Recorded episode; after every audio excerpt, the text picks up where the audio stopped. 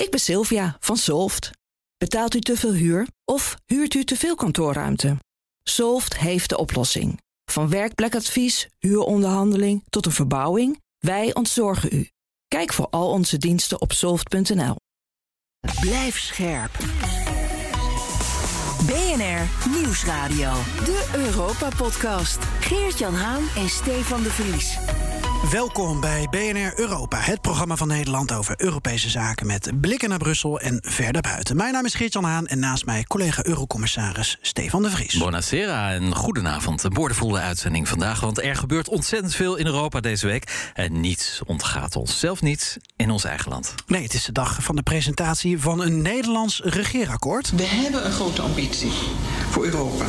We willen ook weer leidend zijn en een positieve rol spelen waar we kunnen. We willen de Europese Unie verdiepen en hervormen. Voor onze welvaart en voor onze veiligheid. En wij proberen chocola te maken van de tientallen kantjes die nu op tafel liggen. En onze sneltoets Ctrl plus F met als zoekopdracht Europa, die is inmiddels versleten. Ja, en ook wenden wij ons deze aflevering tot de oostgrens van de Unie. Alexei Navalny, de Russische oppositievoerder en corruptiebestrijder, kreeg vandaag woensdag in Straatsburg de Zacharovprijs van het Europees Parlement. Nou ja, de prijs eh, ging naar hem, maar zijn dochter en zijn politiek vriend Leonid Volkov kwamen in ontvangst nemen. He reacted that he feels not only honored but also that he feels a lot of responsibility. Ja, zelf zit Navalny in Rusland in een werkkamp. Wij vragen ons af waarom het Europees Parlement hem eigenlijk deze prijs geeft. En ook vandaag de zesde top, uh, nee, zevende, nee, achtste. Ik ben de tel kwijt van het Oostelijk Partnerschap. Kisha Hekster, uh, we betrekken alvast jou er even bij. Was het, welk nummer was het ook alweer? Ik, ik dacht zeven. Oké, okay, ik zoek het zo op. Uh, Zo'n 2 voor 12 belletje. het gaat om het vriendschapsverband van de Europese Unie met inmiddels vijf oude Sovjetstaten aan onze oostgrens zoals Oekraïne en Moldavië.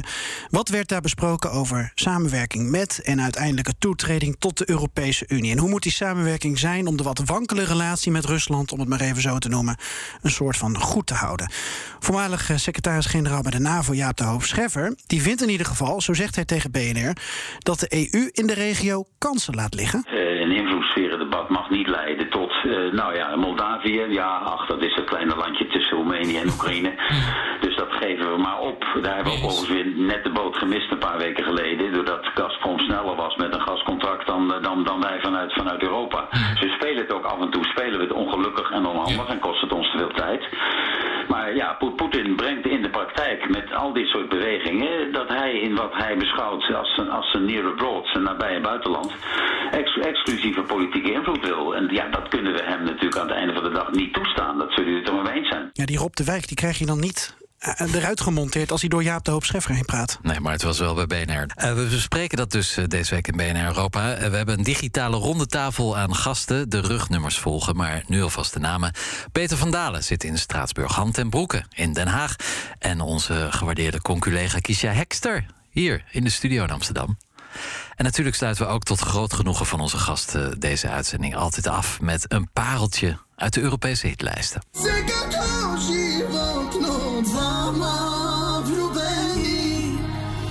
dat zijn hoort u zo meteen. Dit is BNR Europa.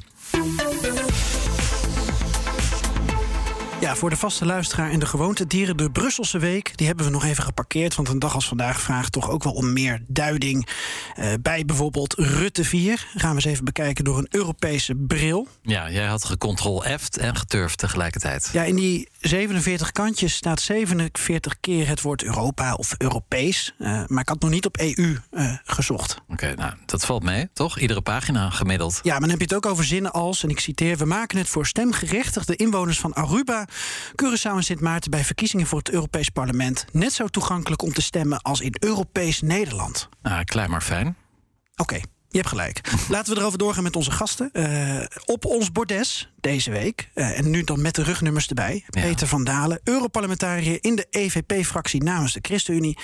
zit in Straatsburg en meneer Van Dalen zit in de Commissie Buitenlandse Zaken. Meneer Van Dalen, goedenavond. Goedenavond, hallo. Ja, uh, ook bij ons Hand en Broeke dus. Uh, directeur politieke zaken bij HCSS en oud-Kamerlid en buitenland... en defensiewoordvoerder voor de VVD vanuit Den Haag. Meneer ten Broeke, ook een goedenavond.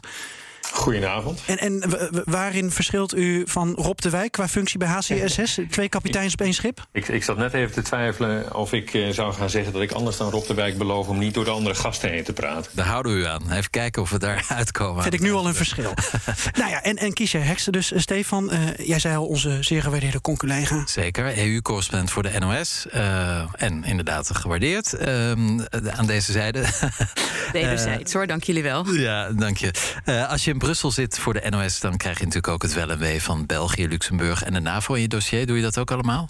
Uh, zeker, dat staat ja. op mijn kaartje. Dat ja. staat op je ja. kaartje. Dat is een heel groot kaartje. Of kun je het uit, uitvouwen? Ja, nee, ik, uh, dat is heel veel. En uh, gelukkig hoef ik het niet alleen te doen. Ik heb mijn nee. collega Sander van Hoorn en we hebben ook nog een redacteur, Arda ja. Brands. Dus wij zijn een mini-bureautje wat zich met alles bemoeit. Ja. Hoe, hoe, hebben jullie een dag als vandaag dan, dan verslagen? Of hoe, laat ik het anders stellen. Zijn de kijkers van de NOS ook geïnteresseerd in, in de Europese koers van dit kabinet? In eerste instantie zijn het wel de Nederlandse dossiers die uh, als eerste behandeld zijn bij de NOS. Maar uh, natuurlijk gaan we onze luisteraars, kijkers en lezers ook informeren over wat er in het regeerakkoord staat.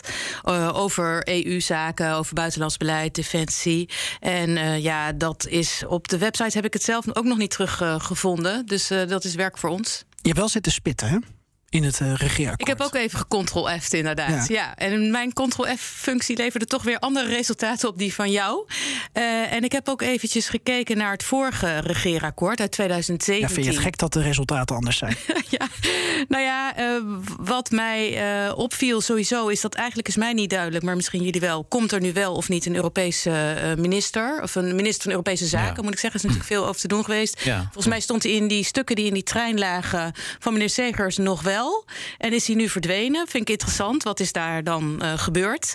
En um, wat mij in de gauwigheid, want ik, ik moest vanmiddag ook allerlei andere dingen doen, opviel, is dat um, uh, een paragraaf die in het vorige regeerakkoord stond over uh, de financiën in de Europese Unie er nu niet meer in staat.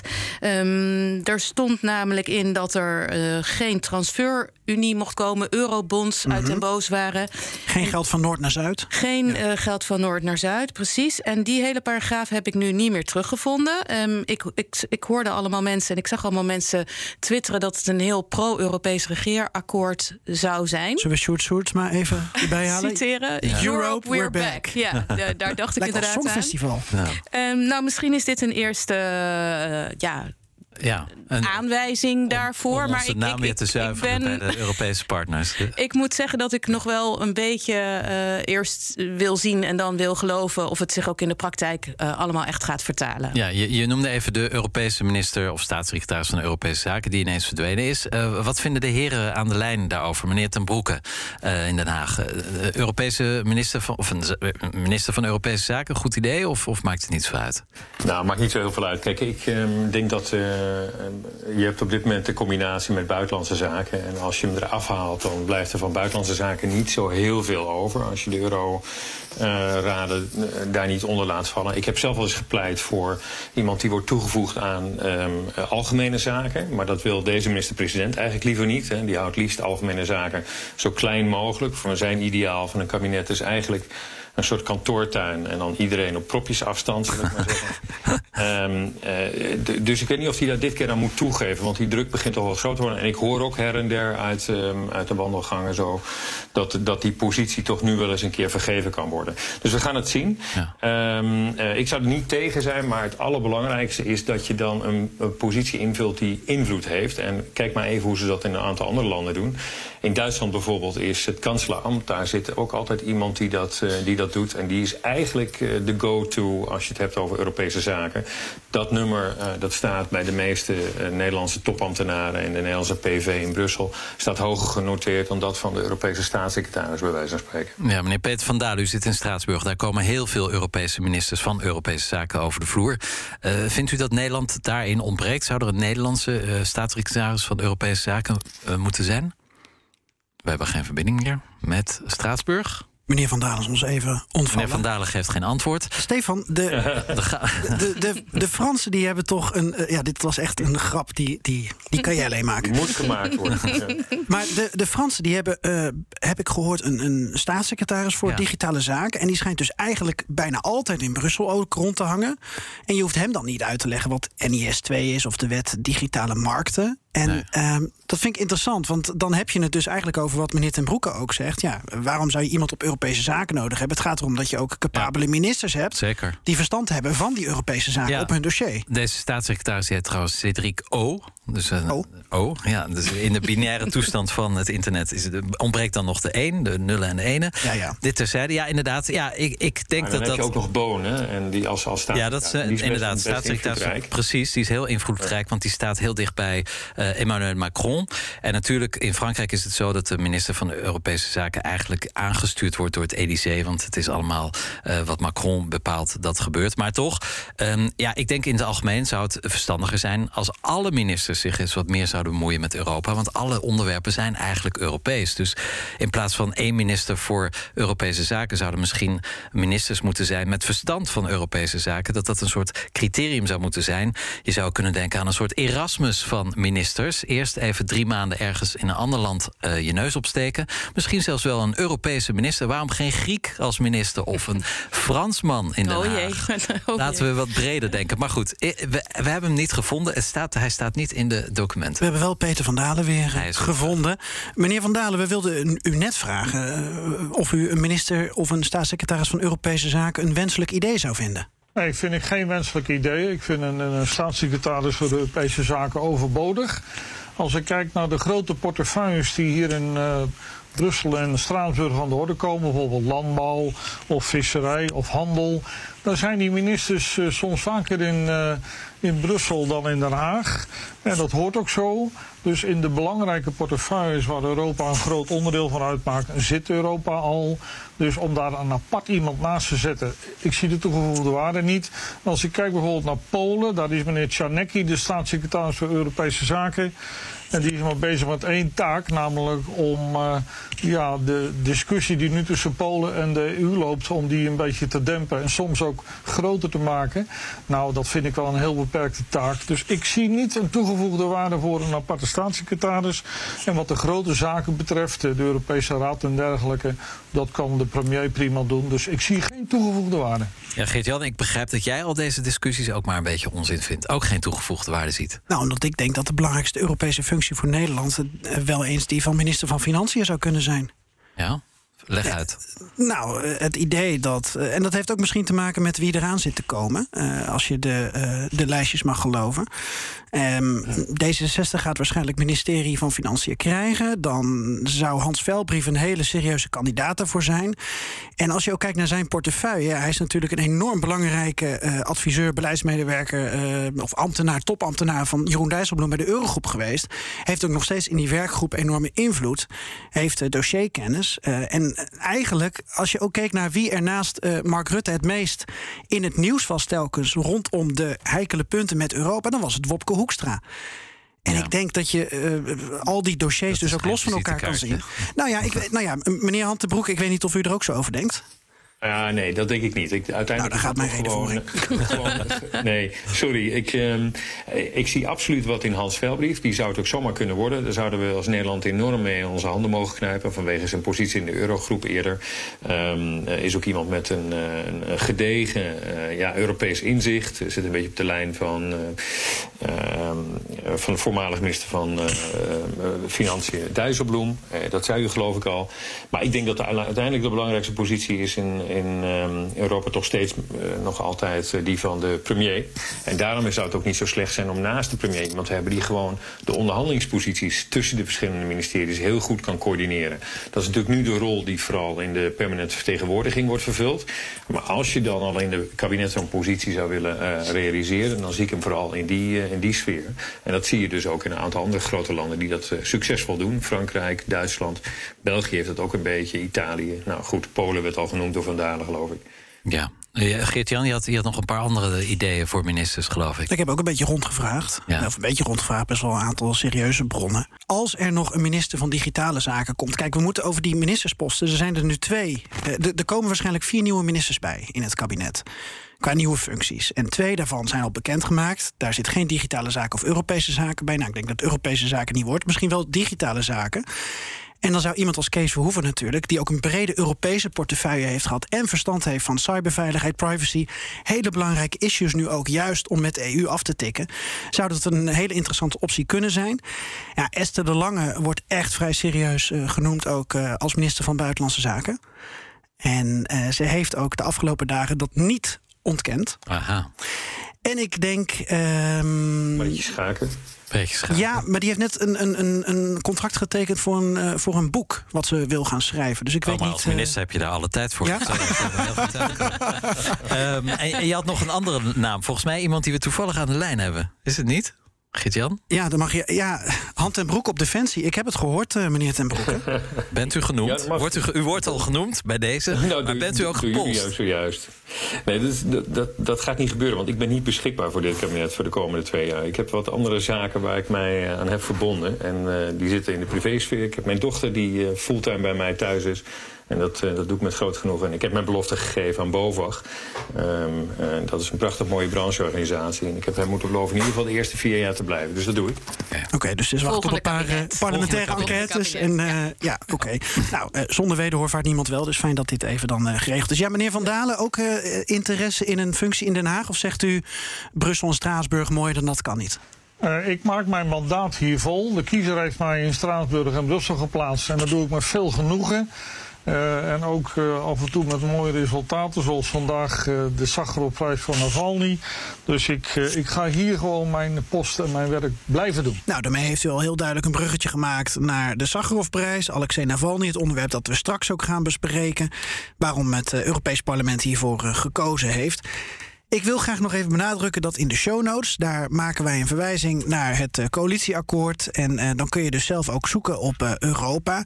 En ik raad ook aan om dat te doen, want niet alleen vanaf pagina 37 bij het kopje internationaal lees je meer over het buitenlandse beleid en over buitenlandse zaken, Europese Unie. Maar ook her en der in het document zie je bijvoorbeeld dat um, de ambitie van het nieuwe kabinet is om het digitale knooppunt van Europa te worden, om klimaatkoploper te worden. En we lezen ook dat er bijvoorbeeld heel veel in defensie gaat worden geïnvesteerd. 10,7 miljard euro in onderhoud in de hele kabinetsperiode. Structureel 3 miljard euro erbij. En Europarlementariër Bart Groothuis die had al uitgerekend dat het gaat om een toename van 26,4 procent in het defensiebudget van Nederland. Nou, wat er bijvoorbeeld onder gaat vallen, is dat de NAVO, uh, zo staat het in het regeerakkoord, als hoeksteen van de collectieve verdediging moet blijven worden beschouwd met een Europese pijler. Maar dat er toch ook een situatie komt waarbij je als Europese landen met elkaar steeds vaker, zoals dat er staat, op eigen kracht conflicten moet kunnen oplossen. Bijvoorbeeld aan de buitengrenzen. Nou, dat is allemaal te lezen in het uh, coalitieakkoord. Uh, 50 kantjes, zoek dus op het woord Europa. En als je heel veel tijd hebt, zoek op het woord EU. Maar ik garandeer je niet dat je dan alleen maar EU krijgt. Heus niet. Eurocommissarissen Haan en de Vries houden de Brusselse zaken scherp in de gaten tijd voor de Europese Week, Stefan. Uh, om met Hugo de Jonge te spreken in maximale versnelling. Ja, terwijl het Europees Parlement deze week in Straatsburg zit... is er op donderdag 16 en vrijdag 17 december in Brussel weer een Eurotop zonder Mark Rutte. Althans in ieder geval aan het begin. Want Mark Rutte heeft het te druk in Den Haag met zijn eigen opvolging. De website Brusselse Nieuwe die schrijft... Nederland stuurt geen premier, maar een agenda naar de Eurotop. En uh, op ons lijstje, want dat hebben ze meegegeven, daar staat wel iets. Ja, geen Europees leger, zwaardere sancties tegen Wit-Rusland en een Europees kader voor het invoeren van reisrestricties tegen landen waar nieuwe coronavarianten opduiken. Dat is onze inzet. En ja, dan moeten we maar vertrouwen op de Belgen, want zij vertegenwoordigen ons. De Belgische premier Alexander de Croo is ook de voorzitter van de Benelux op dit moment. Dus hij spreekt, spreekt nu voor 30 miljoen Europeanen. Hij had ook voor Betel kunnen kiezen. Ook een liberale premier, maar dan van Luxemburg. En die heeft het in 2014 al een keer van Rutte overgenomen. Ja. En er zijn trouwens een boel andere nieuwe regeringsleiders in Brussel. Ja, uh, Rutte is dan een oude nieuwe. Ja. Uh, Duitsland, Bulgarije, Tsjechië, Zweden, Roemenië. Namens al die landen staat er iemand anders dan bij de laatste Eurotop. Ja, ik vraag me af, zou er een soort van ontgroening zijn? Of een kennismakingsweek? Wie gaat ze dan ontgroenen? Ja, Rutte. Maar die ja, is er Rutte. niet. En Orbán. Orbán, Orbán is Ja. de langzittende. Orbán Ja. gaat het doen. Nou, we raden al deze Europese leiders aan om het ook eens te hebben over het Digital COVID Certificate, het Europese coronapaspoort. Italië en Griekenland zijn de volgende landen die aan de muiterij meedoen. Ja, vanaf donderdag 16 december moeten alle reizigers uit de EU die Italië of Griekenland eh, binnengaan een negatieve coronatest laten zien. Ook al ben je gevaccineerd en heb je een booster gehad. Uh, ben je niet gevaccineerd, moet je vijf dagen in Italië in quarantaine. En eerder besloten landen als Portugal en Oostenrijk ook al af te wijken van een Europese standaard van de Europese Commissie. Ja, niet alleen die landen trouwens, maar ook de Europese Raad zelf. Want iedereen die mee wil doen aan de Europese Raad, dus donderdag en vrijdag in Brussel, moet ook die uh, coronatest laten zien. Dus daar is vaccinatie voor de regeringsleiders ook niet meer geldig. Geldt ook voor de journalisten. Er was enorm veel uh, vrevel in Brussel onder het journaaien uh, dat de Europese Raad dus kennelijk zelf zegt, ja, dat Europese coronapaspoort, dat werkt niet. Dus ja, ik denk dat we het hierbij kunnen begraven. Het was een heel mooi idee. Hoe vaak hebben we Schengen al niet begraven? Nee, niet Schengen. Ja, oh, Schengen heel vaak. Schengen is al dood en is al helemaal verteerd. Maar daarnaast in het familiegraf van de Europese Unie komt nu te liggen het groene coronapaspoort. Het, het was ingevoerd op 1 juli eh, van dit jaar om vakanties eh, makkelijker te maken. Nou, dat is nog geen half jaar geleden. Uh, dus helaas, vijf en een half maand heeft hij het uitgehouden. Hij is nu dood. Houden ze wat ruimte over voor Nord Stream 2? Nou, er is genoeg uh, plek in de bodem?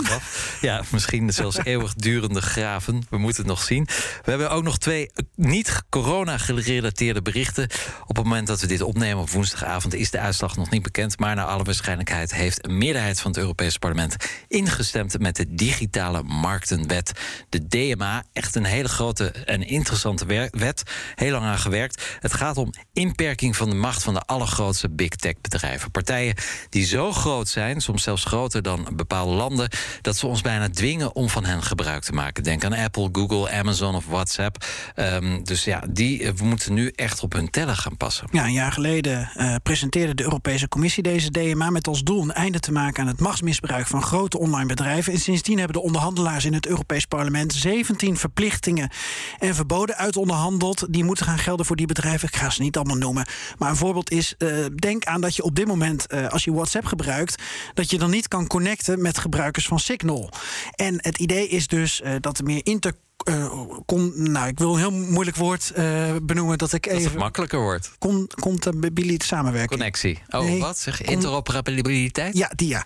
uh, dus dat je ook je vrienden op WhatsApp moet kunnen bereiken met Signal. Ja. Deze wet moet in ieder geval voor meer gebruikersopties creëren en ook tot meer gebruiksvriendelijkheid leiden. En dan moet je ook nog vrienden hebben die je dan op WhatsApp kan toevoegen. Ja, maar die kan je dan op die andere, op dat andere ding vinden eventueel. Als, als ze op WhatsApp niet zijn, dan kan je ze op Signal misschien vinden. Nou, wie weet. Nou, tot slot, het grass is altijd groener bij de buren. En het geldt zeker voor Malta, want dat wordt het eerste Europese land dat cannabis legaliseert. Dus het gebruiken, telen en kopen van beperkte hoeveelheden wiet voor recreatieve doeleinden in de privésfeer wordt legaal. Het Maltese parlement is hiermee akkoord gegaan. Het is nog even wachten op de handtekening van de president. Maar dat is naar verluid een formaliteit. Dus ja, witte rook op Malta. Intercompatibiliteit. Okay, dat bedoelde ik. Dat bedoelde je, uiteraard. Mooi woord voor Scrabble. Ja, in onze langere podcastversie gaan we uitgebreid praten over de Europese Oostpolitiek. Vandaag was er namelijk een top-oostelijk partnerschap over de relatie van de Europese Unie met voormalige Sovjetstaten zoals Oekraïne, Moldavië en Georgië. Dat dus straks uitgebreid. Maar we gaan het eerst even hebben, Peter van Dalen zei het al, over de Sakharovprijs. En vooral over het feit dat het Europese parlement deze vandaag woensdag heeft uitgereikt aan Alexei Navalny. Meneer van Dalen, u bent Europarlementariër en u heeft zich hier heel hard voor gemaakt. En um, volgens uw woordvoerder had u ook een heel belangrijk aandeel in het feit dat Navalny vandaag deze prijs kreeg. Hoe is dat gegaan? Vertel eens. Ja, ik ben zes maanden geleden uh, ben ik begonnen om campagne te voeren voor Navalny. Omdat ik werkelijk vind dat hij de man is die deze prijs verdient. Hij is al jaren bezig om op te komen voor de democratie in Rusland, voor de mensenrechten. En hij heeft ook heel veel persoonlijk leed daarvoor uh, moeten incasseren. Inclusief uh, zijn arrestatie en zijn vergiftiging. dus zes maanden geleden ben ik begonnen eerst in mijn eigen fractie om daar een meerderheid voor te krijgen. Uh, naast andere voorstellen die ook in de fractie werden gedaan. Maar toen dat na twee stemronden uiteindelijk toch gelukt was, uh, ben ik met mijn liberale collega Guy Verhofstadt uh, begonnen om het Europees Parlement aan onze zijde te krijgen. Want Verhofstadt had in zijn fractie een meerderheid gekregen voor de kandidatuur van Navalny. En toen zijn we vervolgens samen in het najaar gaan kandideren om het hele parlement achter ons te krijgen. En dat is enkele weken geleden uh, nipt, maar wel gelukkig ook uh, gebeurt. Dus ik vind het echt fantastisch dat deze man, die zich zo heeft ingezet die zo vernederd is door het Kremlin, dat hij nu vandaag zo uh, is in de etalage is gezet. Dat verdient de man. Ja, u zegt nipt, dus niet echt unaniem. Uh, dat betekent dat, dat niet iedereen het mee eens was. Uh, Kiesja Hekster, jij bent oud-Rusland-correspondent. Navalny is in eigen land ook niet vrij van controverse. Net als Poetin, hij is een patriot, een nationalist... beschuldigd van xenofobe en racistische uitlatingen. Waarom moet je als Europees parlement zo'n man zo'n prijs geven? Ja, ik, ik heb uh, de opkomst van Navalny meegemaakt in 2010 toen ik uh, in Moskou werkte en woonde. En uh, het was, zijn opkomst was echt wel heel spectaculair. niet onomstreden inderdaad. Hij is ook veroordeeld voor geweldspleging ooit, als ik me goed herinner. Um, maar de, ja, de, nadruk op de controversiële dingen zijn toch ook wel dingen die natuurlijk heel erg vanuit het Kremlin komen. Want het is heel spectaculair hoe hij de Russische politiek ja. heeft veranderd, denk ik. En het is ook niet voor niks dat hij is opgesloten. Dat betekent dat, hij, uh, dat mensen zich zorgen maken over zijn populariteit. Uh, en ik weet dat dat toen in 2010, meen ik ook echt wel als een hele grote verrassing kwam. De manier waarop hij via internet campagne heeft gevoerd, was echt een sensatie. En vooral dat dat zoveel jonge mensen aansprak, die eigenlijk nooit zich interesseerden voor de Russische politiek, zijn dankzij hem wel in actie gekomen op hele grote schaal. Uh, hij heeft een hele zware prijs betaald. En hij niet alleen. Het is uh, natuurlijk geen geheim dat in Rusland uh, journalisten, bloggers, oppositie, politici vastgezet worden. Uh, dat mensenrechtenorganisaties bestempeld worden als buitenlands agent. Wat zoveel betekent als dat je een vijand van het volk bent. Hè. Dat zijn echt dingen die doen denken aan Stalin-tijden. Waarmee ik niet wil zeggen dat wat er nu in Rusland aan de hand is lijkt helemaal op wat in de jaren 30 eh, van de vorige eeuw gebeurde. Maar uh, ja, moet het Europees Parlement uh, Navalny zo'n prijs geven? Uh, ja, dat, dat is niet aan mij. Ik denk wel dat het is een heel bijzonder iemand. Ja, dat, dat, dat, staat buiten kijf. Ik snap dat het niet aan jou is. maar net als ik ben jij nog relatief nieuw in het Brusselse. Uh, heb je erover verbaasd dat het Europees Parlement dan zo'n Sakharovprijs heeft en daarmee natuurlijk ook een bepaald signaal afgeeft dat ook wel geopolitieke Zeker, maar Sakharov, uh, het is uh, Sakharov was natuurlijk ook niet de, waar de, degene waar niet de prijs vernoemd was, was is natuurlijk ook niet toevallig. als ik me goed herinner, is vorig jaar de prijs uitgereikt aan de oppositie in Wit-Rusland. Eerder kan ik me herinneren aan Igor Sentsov, een filmmaker ja. over de Krim. dus het zijn altijd hele geopolitieke, um, nou niet altijd, maar vaker heel geopolitieke beslissingen. En als daar een meerderheid voor is in het parlement, dat in de lidstaten uh, democratisch is gekozen, dan denk ik dat daar in ieder geval daar draagvlak voor is. Ja, meneer Van Dalen, behalve Navalny te ere, geeft u ook een geopolitieke boodschap mee? Nou, eerst nog even op die, uh, dat het een nipte uitslag was. Dat had alles te maken met het feit dat een aantal andere fracties uh, ook een hele goede kandidaat naar voren droegen. Dat was namelijk de Afghaanse vrouwen. die zijn nu in het nieuwe regime van de Taliban eh, extra onderdrukt. En er waren dus ook heel veel mensen die zeiden: laten we de Afghaanse vrouwen kiezen. Maar Navalny won niet omdat hij omstreden is, maar gewoon omdat hij uh, tegen Poetin uh, is opgetreden. En dat hij ook symbool stond voor de vele anderen. Mevrouw Hekster zegt dat goed. Voor de vele anderen die zijn vermoord, vergiftigd en omgebracht. Ja. en, en dat is de reden waarom uiteindelijk het parlement gezegd heeft wij kiezen voor Navalny. Ja. Maar dan had je ook de democratie, dan had je ook die mensen allemaal die prijs kunnen geven. Net als vorig jaar de oppositie in Wit-Rusland. Dan hoef je niet een prijs aan een specifiek iemand uit te reiken. Nou, kijk, je kan inderdaad aan een specifiek iemand uh, iets uitreiken of aan een groep. Maar we hebben nu gezegd, de man die het lijden echt heeft meegemaakt en die nu in een kamp zit, dat is Navalny. Maar ogenblikkelijk hebben we erbij gezet, in hem eren we ook die vele anderen die al het leven hebben gelaten of die vastzitten. Maar Navalny is op dit moment de icoon van de Russische oppositie. Ja, Han Broeke, hoe kijkt u hiernaar? Uh, Navalny, de Sakharovprijs, de rol van het Europees Parlement... die zegt van nou, we geven zo'n man deze prijs. Nou, lijkt me absoluut de juiste prijsdrager straks. Um, uh, Navalny verdient het. Navalny heeft uh, natuurlijk vorig jaar uh, wederom ongelooflijk veel moed laten zien. Um, ik denk ook dat we moeten erkennen dat soms van die, van die prijswinnaars uh, ook wel eens een vlekje hebben. En bij Navalny geldt dat hij natuurlijk zich heeft uitgesproken, net zoals heel veel Russen dat doen, dat hij van mening is dat de Krim gewoon tot Rusland behoort. Ehm, maar dat doet wat mij betreft niet af van de grootheid van de man en, en de reden voor de prijs. Wel een ander punt wat ik uh, op wil aansluiten. Dat is wel iets wat Kisa Heksen zojuist zei. Dat is dat ze aangaf dat toch wel een beetje de spoken van de oude Sovjet-Unie weer aan het opsteken zijn. Waarbij uh, in mijn ogen de grens uh, een beetje wordt overgegaan tussen autoritair richting totalitair. Dus je ziet bijvoorbeeld hoe met andere mensenrechtenorganisaties wordt omgegaan. De oudste mensenrechtenorganisatie van Rusland, Memorial. Um, nou, die hebben de, de, de, zaak moeten sluiten. En dat geeft dus iets aan dat je in Rusland niet alleen niet meer over individuele gevallen kunt spreken, maar dat je eigenlijk ook niet meer over repressie als zodanig kunt spreken. Het maakt eigenlijk iedereen daarmee monddood. En dat is al wel een hele ernstige ontwikkeling. Want tegen die achtergrond denk ik, als je dan een individu als Navalny eruit kunt halen, um, uh, goede, een goede vondst. BNR Nieuwsradio. De Europa-podcast. Geert-Jan Haan en Stefan de Vries. Peter van Dalen, Europarlementariër in de EVP-fractie namens de ChristenUnie, zit in Straatsburg. En meneer Van Dalen zit trouwens uh, in de Commissie Buitenlandse Zaken. Hand en Broeken spreken we ook mee, directeur Politieke Zaken bij HCSS. En oud-Kamerlid en Buitenland- en Defensiewoordvoerder voor de VVD. Vanuit Den Haag en hier in de studio nog steeds. Kiesja Hekster nog steeds niet terug bij de NOS, maar gewoon lekker hier bij BNR, bij de Gele Plopkapper Club. Toch, Stefan? Absoluut. Ja. En van harte welkom. Ja. Ik ben, ik ben voor de gezamenlijkheid. Meer, meer samenwerken is altijd goed. Nou, Ja. en wat ook weer een mooi bruggetje. Is dat niet? Ja, want we gaan het hebben over de relatie met onze oostenburen. Ja. Eh, Maar dan vanuit Europees perspectief. Hè. Dus eh, landen als Rusland en Oekraïne krijgen vaak wat meer aandacht dan Georgië en Moldavië. Eh, maar ook Georgië en Moldavië en Armenië en Azerbeidzjan en Oekraïne... die zitten in een club. De Eastern Partnership. Rusland zit er niet in. En Wit-Rusland sinds deze zomer ook niet meer. eh, want de door de EU niet erkende president Lukashenko... heeft de deelname van zijn land aan dit verband, verbond opgeschort. Maar Stefan, je zou de relatie met Oost-Europa maar in je portefeuille hebben op dit moment. Want je hebt daar gewoon een, een week, een, een jaartaak aan. Ja, absoluut. Nog afgezien van alle culturele verschillen zijn er natuurlijk enorm veel overleggen. Er gebeurt heel veel op zowel geopolitiek als lokaal niveau.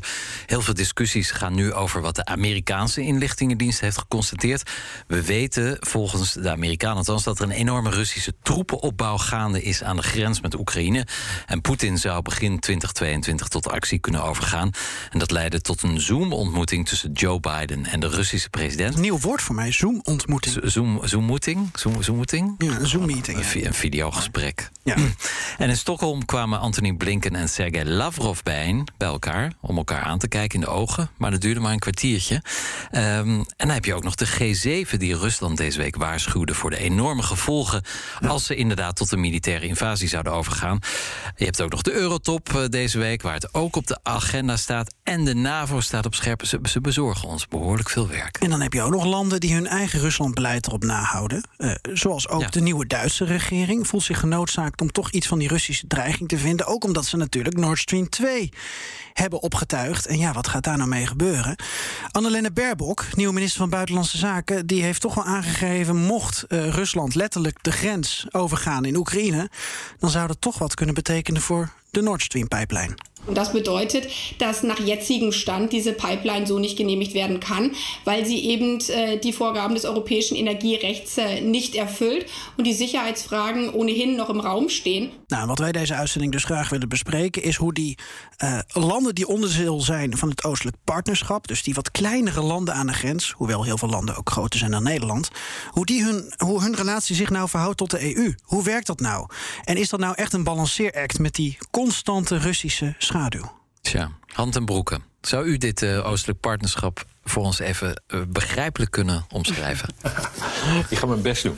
Ehm, kijk, je kunt het best bekijken eh, door ook de bril van Poetin hier even mee te nemen. Poetin die kijkt naar deze voormalige Sovjetstaten als bufferstaten. Voor hem zijn het, ehm, is het, is het het invloedsterritorium voor, voor Rusland. Voor Europa zijn het staten waarvan wij hopen dat ze uiteindelijk goed bestuur laten zien. En wat is dan onze techniek? Is dat we eh, goed gedrag, bijvoorbeeld door goed bestuur, dat belonen we met veel geld. Ja, de vraag is of die houding van Europa voldoende is, of we niet veel meer moeten doen. In de inleiding, eh, in het eerste half uur, hadden we al het fragment van Jaap de die zijn zorgen uitsprak over het feit dat Europa weer zijn kans had misgelopen om bijvoorbeeld zijn energiebelangen daar te verdedigen, omdat Gazprom weer net iets sneller was. Nou, daaraan zie je dat we eigenlijk met onze soft power te weinig hebben gedaan. En dat we in toenemende mate merken dat we um, de negatieve effecten van uh, instabiliteit in die, in die voormalige bufferstaten van de Sovjet-Unie. Denk ook even aan het conflict wat nu tussen Armenië en Azerbeidzjan weer is opge. Wit-Rusland, die formeel tot die groep behoort, maar die zich er uh, sinds vorig jaar uit heeft teruggetrokken.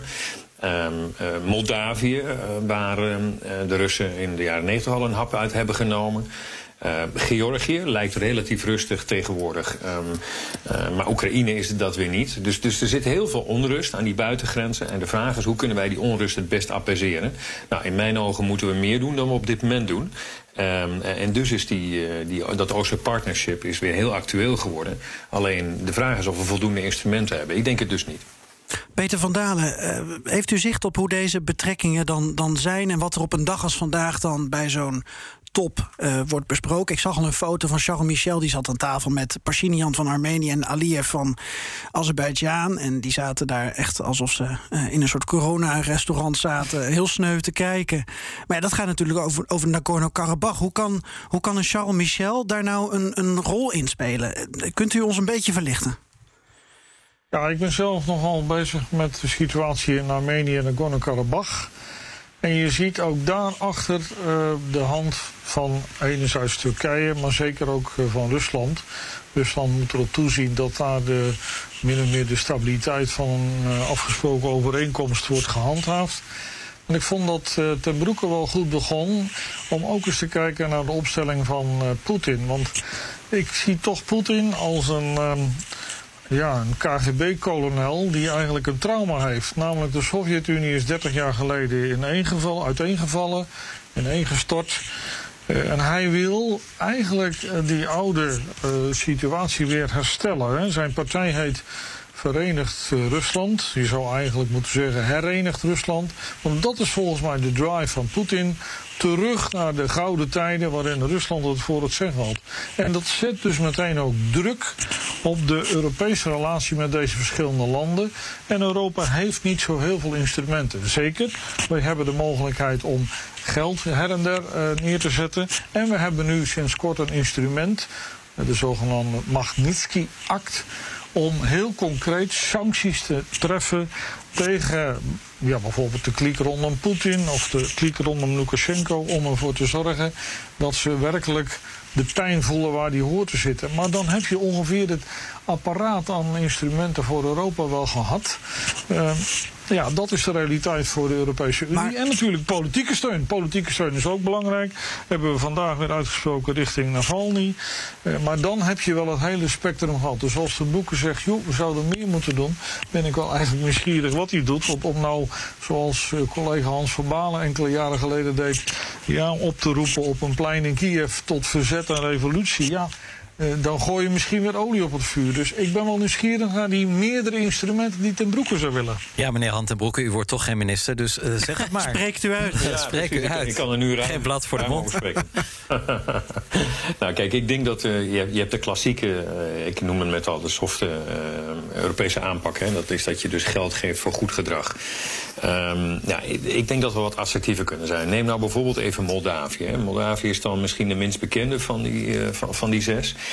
Um, nou, daar hebben uh, op dit moment hebben de Chinezen hebben daar, uh, proberen daar heel commercieel hun voordeel te halen door allerlei investeringstrajecten um, uh, aan te gaan.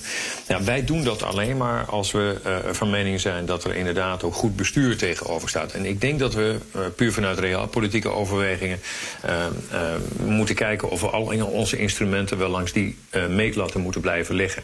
In de eerste plaats heeft het in het verleden bewezen dat al dat geld, het goede geld, um, niet altijd even goed is terechtgekomen. Dus dat zou je slimmer kunnen doen. Dat kun je handiger doen. Dan kan je ook beter de private, private sector bij, bij betrekken. Um, uh, dus ik, ik denk dat er veel meer mogelijk is en dat Europa eigenlijk nog voortdurend onderschat hoeveel middelen ze in haar buitenlandbeleid heeft. Als je dat buitenlandbeleid breder ziet, dus niet alleen kijkt naar uh, uh, verklaringen en, en, en, sancties, maar dat je ook bijvoorbeeld handelsrelaties. Um, je, je, zou bijvoorbeeld aan onze buitengrenzen, en daar liggen deze landen, zou je veel um, selectiever kunnen zijn met welke landen je um, uh, bepaalde voordelen wilt gunnen voor bijvoorbeeld toetreding tot de Europese markt. Ik heb het altijd heel gek gevonden dat we dat instrument niet vaker, zouden, niet, niet vaker inzetten als die landen bijvoorbeeld bereid zijn om vluchtelingen op te nemen of op een andere manier um, uh, zich naar onze zin te gedragen. De Europese Unie is een enorme financieel-economische actor en heel veel van de landen om ons heen zijn zeer afhankelijk van onze markt. Ja, en als wij bijvoorbeeld met tarieven een paar maanden iets doen. En ik weet wel, dat is vloeken in, in, in de kerk, ook van een kerk waar ik uitkom, namelijk die van de liberalen.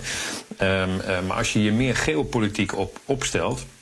Ja, dan zijn voor heel veel van die landen aan de grenzen van Europa is, hebben, hebben een vrij kort leven. Dan liggen ze vrij snel op apengapen. En ja, tot nu toe laten wij vaak ons door die landen uitspelen. Dus ik zeg meer geopolitieke druk uitoefenen met alle middelen die we hebben. En dat zijn er meer dan we op dit moment denken. Ja, Kisha Hekster, jij bent natuurlijk het Oost Oostelijk Partnerschap in één persoon. Je was Oost-Europa-correspondent, toen een tijdje in Nederland... en nu weer actief als correspondent in Brussel. Uh, dus je verbindt die twee. Hoe, hoe kijk jij door die verschillende brillen, door jouw verschillende brillen... naar die relatie tussen deze landen en de, en de Europese Unie? Uh, ja, ik moest uh, vanuit mijn Russische perspectief denken aan een uh, bekend Russisch spreekwoord. En dat klinkt in het Russisch heel, rijmt het heel mooi, heel poëtisch. Uh, Kuritsa ni petitsa, Polsja Nizagranitsa. En in het uh, Nederlands klinkt het, uh, ja, ik heb erover nagedacht, maar het klinkt eigenlijk gewoon uh, alleen maar, kan je het vertalen als een kip is geen vogel en Polen is geen buitenland. met andere woorden, hoort bij Rusland. En voor Polen kun je naar eigen gelang ook invullen Oekraïne, Georgië, Moldavië, nou, de landen waar we het over hebben. En het, nou, in het Kremlin vinden ze dat heel grappig. In de andere landen vinden ze daar wat minder, vinden ze het minder leuk, omdat ze natuurlijk in de praktijk ervaren hebben hebben. wat, wat dat betekent. Ja. Rusland die zijn territorium wil uitbreiden, letterlijk in 2008 in Georgië. Um, en dit partnerschap waar we het nu over hebben, is vlak daarna ontstaan in 2009. Niet toevallig, denk ik, omdat toen ja, in de praktijk ja, ja. Uh, Poetin liet zien waartoe hij in staat was en wat zijn, wat zijn doel is. Um, nu bij deze top uh, zag ik net ook uh, de, de, de president van Oekraïne, Vladimir Zelensky, samen met de voorzitter van de Europese Raad, Charles Michel, die zegt: er is maar één ding wat wij willen. Ik vertaal het een beetje vrij, en dat is lid worden van de Europese Unie. Ja. Peter van Dalen zei net ook al: ja, moet je als Europese Unie op Maidan in Oekraïne gaan staan? En zeggen: wij laten jullie nooit in de steek. Als je dat vervolgens wel doet, dan kan je beter of niet gaan, uh, of het zeggen en het vervolgens doen. Het is een hele ingewikkelde balanceeract. En ik, ik ben blij dat ik niet als politicus in de schoenen van meneer Van Dalen sta. Uh, ja, om, daar om daar uit deze hele ingewikkelde balanceeract te komen. Ja. Want het is een hele ingewikkelde uh, situatie. Aan de ene kant moet je natuurlijk niet, denk ik, omdat Poetin misschien boos wordt, iets laten. Aan de andere kant is het natuurlijk uitgesloten vanuit een EU-perspectief dat Oekraïne, Georgië lid gaan worden. Daar, daar, dat, dat kun je wel beloven, maar dat is niet realistisch. Nou, meneer Van Dalen, Oekraïne bij de EU, realistisch of, of een, een, droom of een nachtmerrie? Hoe kijkt u er tegenaan? Nee, ik denk dat dat niet gaat gebeuren. Dat lijkt me veel te ingewikkeld en de spanningen enorm uh, doen toenemen. Maar Zou u het willen in een ideale wereld? Ja, in de ideale wereld mag zelfs Rusland van mij wel lid van de Europese Unie worden. Maar ik vond eigenlijk wel interessant dat een Broeken net zei van ja, we zouden moeten kijken of we ons pakket aan instrumenten en wat de beschikking staat nog verder kunnen uitbreiden. Ik vind eigenlijk het meest interessant van dit moment de nieuwe Duitse regering. Mm. Uh, kijk, mevrouw Merkel heeft eigenlijk een politiek gevoerd uh, die al begon bij Otto van Bismarck, einde 19e eeuw. Dat was papa en nat houden uh, aan de twee kanten, aan de twee fronten. En proberen tegelijkertijd ook nog zoveel mogelijk machinerieën en auto's en dergelijke te verkopen. Dus mevrouw Merkel was altijd aan het merkelen en een beetje op het koord aan het dansen. Uh, ik zie nu een nieuwe regering die zegt: Ja, hoor eens, wij vinden dat we veel meer aandacht moeten besteden aan en de mensenrechten. Uh, en ook aan de manier waarop Poetin nu opereert. En dat gaat dus ook wat kosten. Dat betekent voor Duitsland minder BMW's uh, op transport naar Moskou, minder ThyssenKrupp producten naar, naar Rusland. Maar wel een veel steviger Duitse regering. Die nu zelfs dreigt om Nord Stream 2 stil te leggen. Nou, dat vind ik een grote verandering. Macron zat eigenlijk al op die lijn. Merkel zat er altijd nog een beetje tussen. Maar de nieuwe regering, uh, de eerste signalen daarvan vind ik hoopgevend. Dat we gewoon een veel straffere Ruslandpolitiek gaan voeren. In, misschien wel zelfs in de richting van wat de dochter van Navalny vandaag in het parlement bepleitte. Gewoon noemen dat die Poetin een dictator is. Noemen dat die man de rechtsstaat verkracht. En dat betekent een straffere Europese politiek. En wat mij betreft, ik vind de eerste tekenen die nu vanuit Berlijn komen hoopvol. Ik weet alleen niet of uh, Macron echt zo valikant tegen Nord Stream 2 is als nu geschetst wordt? Want Engie zit er natuurlijk ook in, mm. ja. in dat consortium. Zeker. En, en het wordt eigenlijk uh, natuurlijk door een aantal West-Europese bedrijven gerund samen met Gazprom.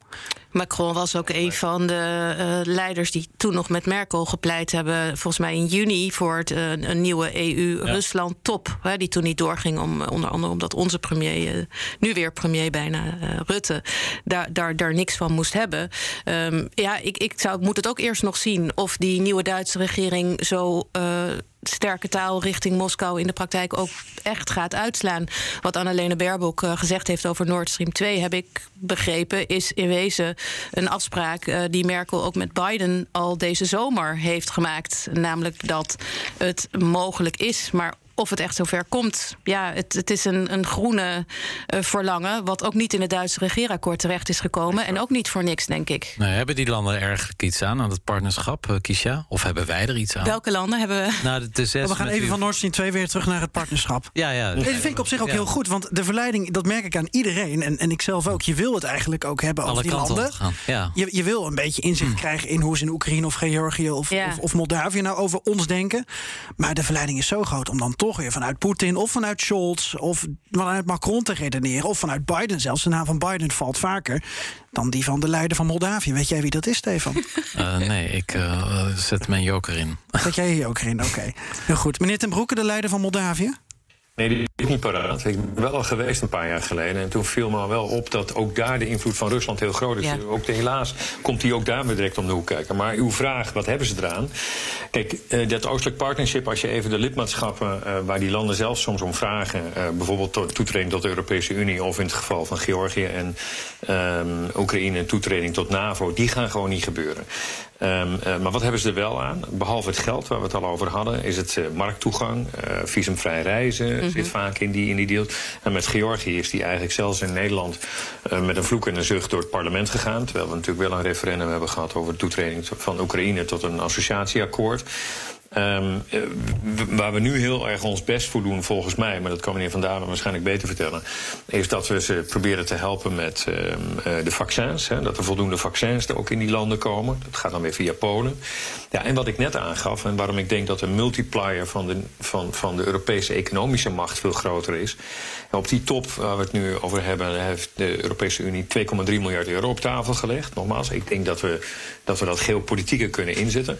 Maar als je dan ziet hoeveel private investeerders er achteraan zijn gekomen, dan groeit dat bedrag ineens tot 17 miljard. Nou, dat kunnen Rusland zeker, maar zelfs China niet zomaar leveragen. En dan word je in die omgeving word je wel een factor. En dat moeten we willen zijn in ons eigen belang. Dus dat is wat die landen en wat wij eraan hebben. Ja, zo dadelijk het antwoord van meneer Van Dalen. Maar ik wil toch nog één keer één ding vragen aan u, meneer Ten Broeke. Want nou ja, uh, Kiesja had het net al over uh, Zelensky, die aangeeft... nou, het uiteindelijke doel is lid worden van de EU. Uh, ook de Moldavische president Maya Sandu... en zowel de president als de premier hebben een West-Europese ja. kijk op dit moment. Zo heet ze dus, de, ja. de president van Moldavië. Maya Sandu. Ja, maar daar gaan, we, daar gaan we denk ik nog wel veel van horen. maar die zegt dus ook tegen Reuters... van ja, ik heb tegen Rusland gezegd: het, het kiezen voor de Europese Unie, dat is mijn keus. Dat ja. bepalen jullie niet. Zeker. En dat is natuurlijk zo, ja. zo lastig aan dit alles. Over alle hoofden wordt heen geregeerd. Ja, jullie begonnen net met die, met die Zoom-meeting tussen Biden en Poetin. En het knappe van Poetin is dat hij daar letterlijk, letterlijk Zelensky buiten beeld heeft weten te houden. En dat is precies het niveau waarop Rusland wil overleggen over deze zeg maar, grensspanningen, zoals zij die zien, uh, in hun eigen invloedssfeer. Ze willen die eigenlijk op een bijna Jalta-achtige manier het liefst met de andere grootmachten ter wereld, en daar horen de Verenigde Staten nog steeds bij, en de Europese Unie wat mij betreft helaas niet.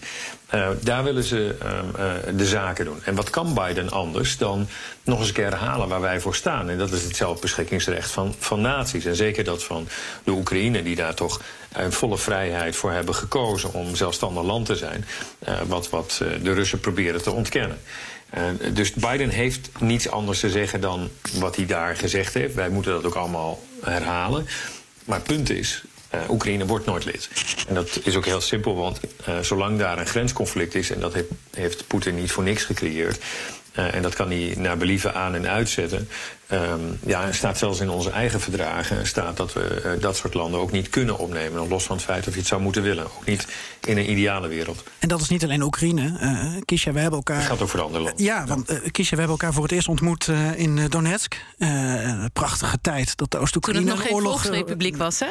Nee. We hebben meegemaakt hoe Lenin bij de McDonald's werd omgetrokken. ja, al die landen. Jij bent ook in, in die landen geweest. toen, je, toen je in Moskou zat en vanuit daar dan ging rondreizen. Overal zijn frozen conflicts. En dat betekent dat zowel uh, joinen van de EU als van de NAVO... dat is dan geen optie meer. Ja, en die, die bevroren conflicten of die, die sluimerende conflicten, die kunnen. Of door Rusland georchestreerde of door conflicten. Rus, ik wil zeggen, de, ja, die kan Rusland op ieder gewenst moment weer uh, een beetje dat vuurtje opstoken, natuurlijk. En, en dan, ja, dat, dat ziet er gewoon somber uit. Stefan. Nou, daar zijn we het dan over eens. Het ziet er somber uit. Maar ja, waarom dan zo'n top, Peter van Dalen? Wat, wat zijn de nieuwste ontwikkelingen? Wat, wat is er eigenlijk vandaag besproken? Wat zijn, zijn er afspraken uitgekomen? Kijk, de top heeft vooral ons doel om deze landen die in het oostelijk partnerschap zitten een signaal te geven. We laten jullie niet in de steek en we zullen met name op financieel gebied zullen we jullie uh, blijven steunen en zullen we relaties met jullie blijven onderhouden. Um, maar deze landen zitten wel in een buffer tussen de Europese Unie en Rusland. En deze landen weten zelf ook wel dat een toetreding tot de Europese Unie uh, of tot de NAVO er niet in zit. Dus op deze manier proberen we de landen toch uh, ja, enige steun te geven. En natuurlijk ook politieke steun.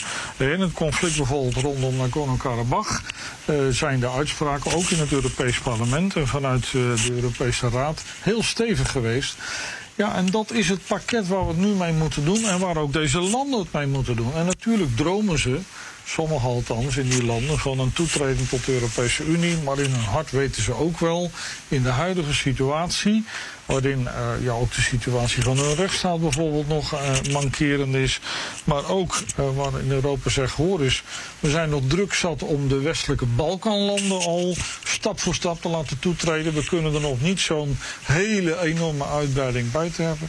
Dus dat zit er niet in. Dus deze wat hybride situatie voor deze landen, ja, die zal nog een hele tijd blijven bestaan. Ja tot een volgende top, de achtste of de zevende. Ja, dit was de zesde, heb ik even dit, oh, ik was, nou, de zevende dan. Uh, meneer Ten Broeke, wat, wat was ook alweer uw vraag aan meneer Van Dalen? Want die was ik even vergeten. nou, als Van Dalen weet um, uh, of hij um, uh, of, of inderdaad, uh, waar ik net voor pleitte, um, dat hij bijvoorbeeld die private investeringen dat die zouden kunnen volgen op die publieke, dan denk ik dat dat, dat, dat een prima iets is. Dus ik, ik ben iets minder pessimistisch over de instrumenten die, die de Europese Unie heeft, mits ze beter bij elkaar worden gebracht. Naar mijn smaak moet buitenlands beleid, Europees buitenlands beleid, moet eigenlijk buiten worden. Dus, dus ook gaan om, om, om de omgeving. En dan moeten dus andere elementen, zoals handelsbeleid en, en uh, steun en visumbeleid en ontwikkelingssamenwerking. En nou, het hele spectrum moet daaraan um, uh, dienstbaar worden. Ja, um, dat, dat, dat zou mijn idee zijn om, om, om die landen perspectief te bieden en onze eigen invloed op te kunnen, te kunnen projecteren op die omgeving. En dat is nodig. Ja, dan tot slot nog wat vragen van uh, trouwe luisteraars. Uh, die kwamen binnen via de Twitter van uh, Geert-Jan Haan. Mag ik ook nog een vraag naar Zo, oh, jij, ook nog, Ja, jij bent oh, ook een trouwe luisteraar. Zeker. Geert-Jan Haan. Terug, terugluisteraar. Nee, wat meneer Ten Broeke zegt over visum, visumliberalisatie en visa... dat is wel heel interessant, want dat speelt natuurlijk ook in Rusland. altijd discussie bijvoorbeeld tussen Nederland en Rusland... van gaan we visa verstrekken aan Russen... zodat ze hier naartoe kunnen komen. zijn natuurlijk heel vaak knappe koppen. En dat je kennis kan delen, maar ook dat je dus op die manier eigenlijk Ehm, elkaar beter leert kennen. En dat schijnt eigenlijk gewoon de, de goedkoopste manier van uiteindelijk een gezondere politieke situatie ook te zijn. Ik weet niet, Kiesja, of jij dat. Volgens mij is dat ook iets heel. Uh, ja, het speelt ook in, met Wit-Rusland natuurlijk. Hè, om visa te verstrekken, bijvoorbeeld aan studenten die hier willen komen studeren. Ja, ik denk dat het een hele goede manier is om in ieder geval niet wat wij toch vaak geneigd zijn te doen. Om inderdaad te zeggen: het Kremlin dat is heel Rusland. Dat is natuurlijk niet zo. Er zijn heel veel mensen die uh, er baat bij kunnen we hebben. En wij waar wij ook baat bij kunnen hebben. Om dat um, veel meer te stimuleren. Dat zou, dat zou heel goed zijn, denk ik. Maar ik, ja, ik weet niet wat daar um, met deze landen uh, nu de status van is, eerlijk gezegd. Volgens mij met een deel van die landen is die visumliberalisatie er wel, met de andere niet. En ik weet ook niet waar je aan moet voldoen eigenlijk. Uh, maar dat weet meneer Van Dalen misschien wel, om dat voor elkaar te krijgen. Nou, meneer Van Dalen, hoe is het voor een, uh, een Armenier om, om hier naartoe te komen? Ja, er zijn inderdaad verschillende afspraken gemaakt met uh, diverse landen uit het uh, Oostelijk Partnerschap. Het is zo dat uh, bijvoorbeeld vanuit Oekraïne kun je voor 90 dagen een visum krijgen om hier naartoe te komen. en dat wordt ook streng gemonitord. Hè, dat je niet ineens onderduikt en dan weer oppopt na 120 of 180 dagen. Dus op die manier is er wel een ja, beperkte mogelijkheid uh, toegelaten voor bijvoorbeeld Oekraïners om hier naartoe te komen. En voor studenten zijn er inderdaad wat ruimere contingenten. Het Erasmus-programma mikt er juist ook op om uit deze landen wat meer studenten naar Europa te krijgen. Daar zijn de regelingen iets soepeler voor bijna alle landen. Oké, dat is goed om te weten. Vragen van de luisteraars. En, en ik vond deze al wel interessant. Uh, meneer Ten Broeke, uh, Robert Verberne die vraagt: mhm. hoe lang kun je sancties blijven heffen? Ja, um, dat is een goede. Um, dat kan je natuurlijk uiteindelijk. Je zou dat eindeloos kunnen doen. Hè? En ik vond een van de bijzondere elementen, bijvoorbeeld in het regeerakkoord vandaag, is dat uh, de coalitiepartijen hebben afgesproken dat ze in Europees verband. Ja um, de sancties aan zogenaamde meerderheidsbesluitvorming willen onderwerpen. Nou, dat is een pleidooi dat ik zelf ook al heel lang houd.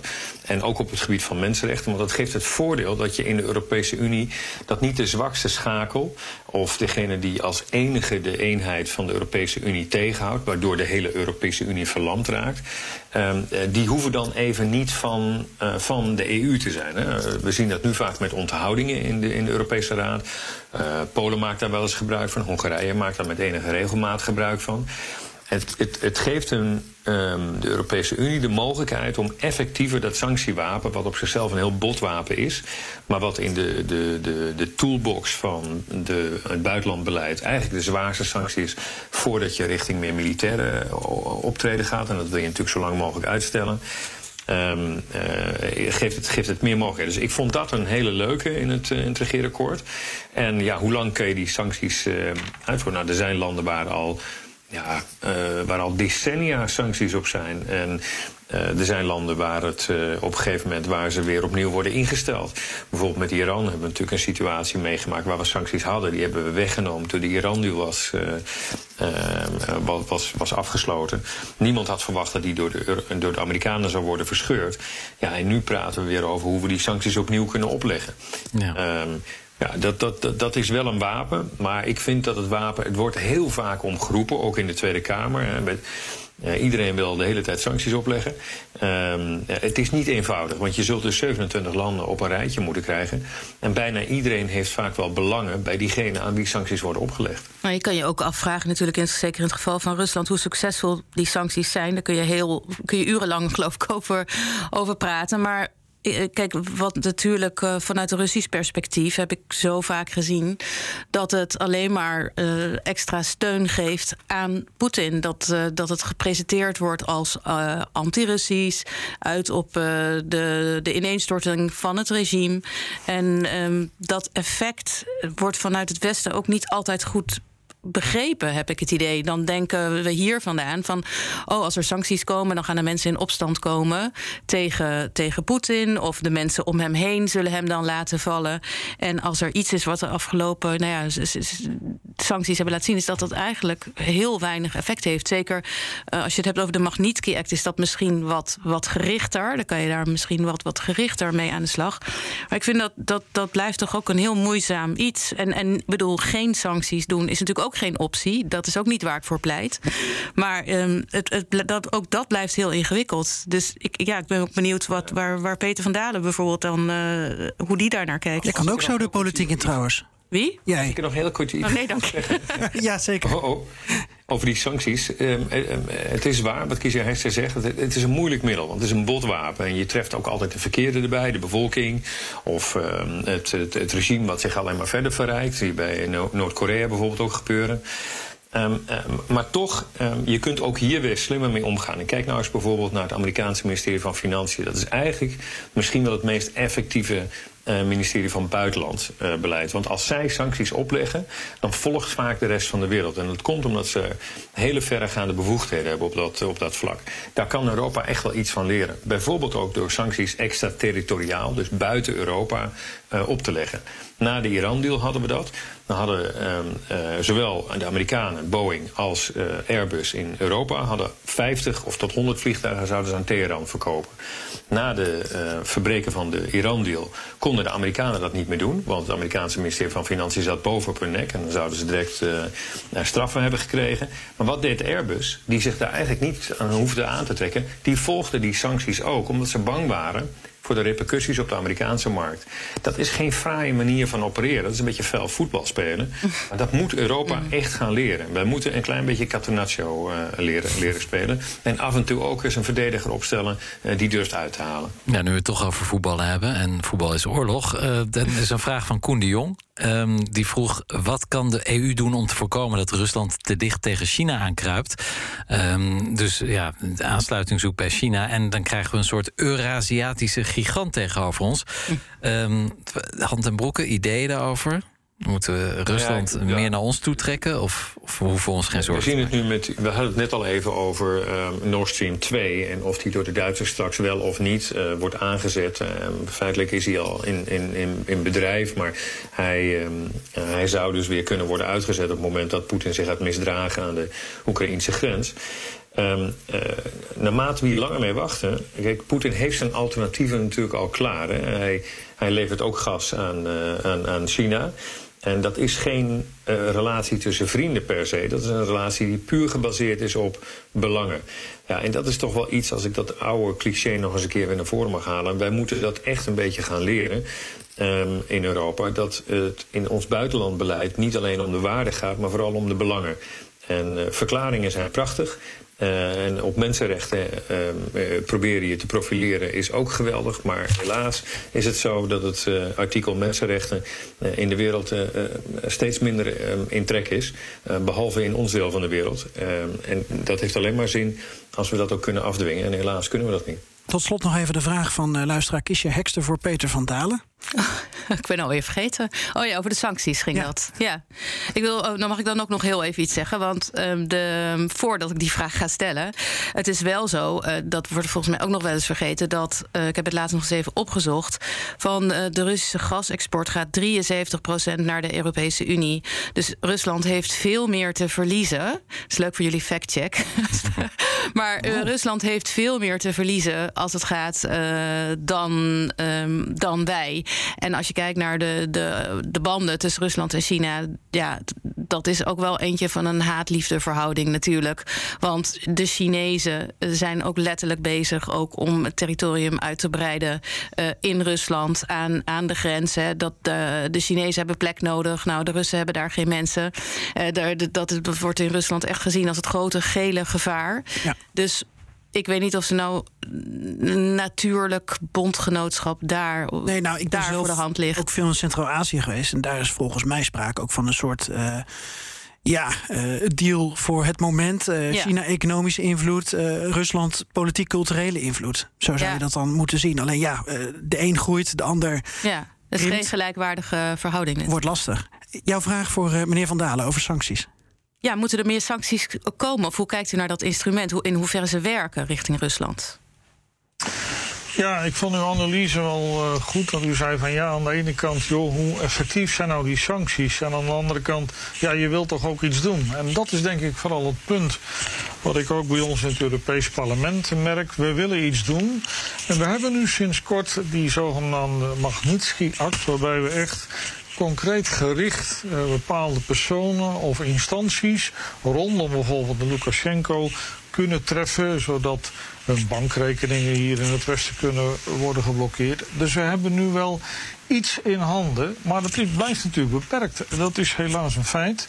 Als je kijkt naar China bijvoorbeeld, uh, ja, die hebben gewoon een agressieve politiek waarbij ook geld uh, een rol speelt. Als ik kijk verschillende havens in Zuid-Europa, bijvoorbeeld de haven van Piraeus, waar ze eigenlijk de baas nu zijn, en verschillende andere havens langs de Middellandse Zee.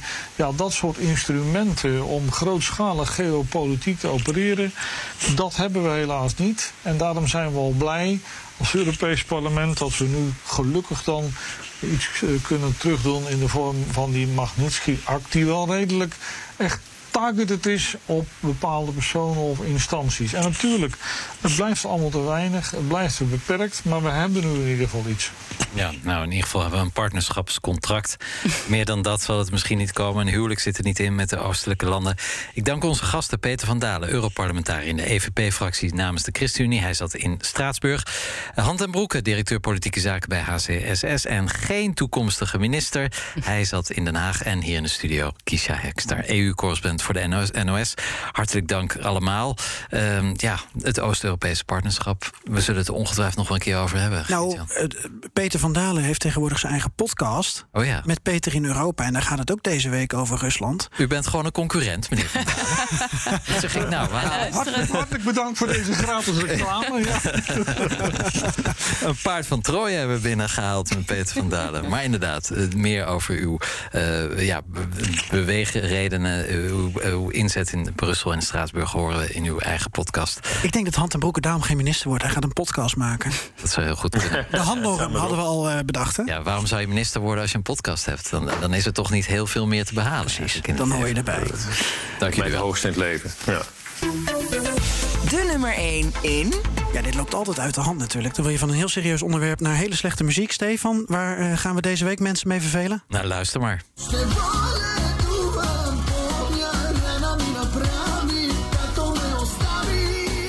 Bulgarije. Dat kozen we deze week. Volgens mij hadden we die nog niet gehad. In ieder geval niet de laatste maanden. Het zijn Aziz en Galena. En het duo zingt A plus D is VNL. Geen idee wat dat betekent. Maar het werd de afgelopen vijf dagen al een miljoen keer gestreamd. Dus het zal wel iets goed zijn. En wil je dit nummer aan nog meer streams helpen? Dat kan als je onze playlist op Spotify volgt. Uh, BNR Europa nummer 1. En de link staat in de show notes. Dank voor het luisteren. Volgende week woensdag zijn we weer live. À la prochaine.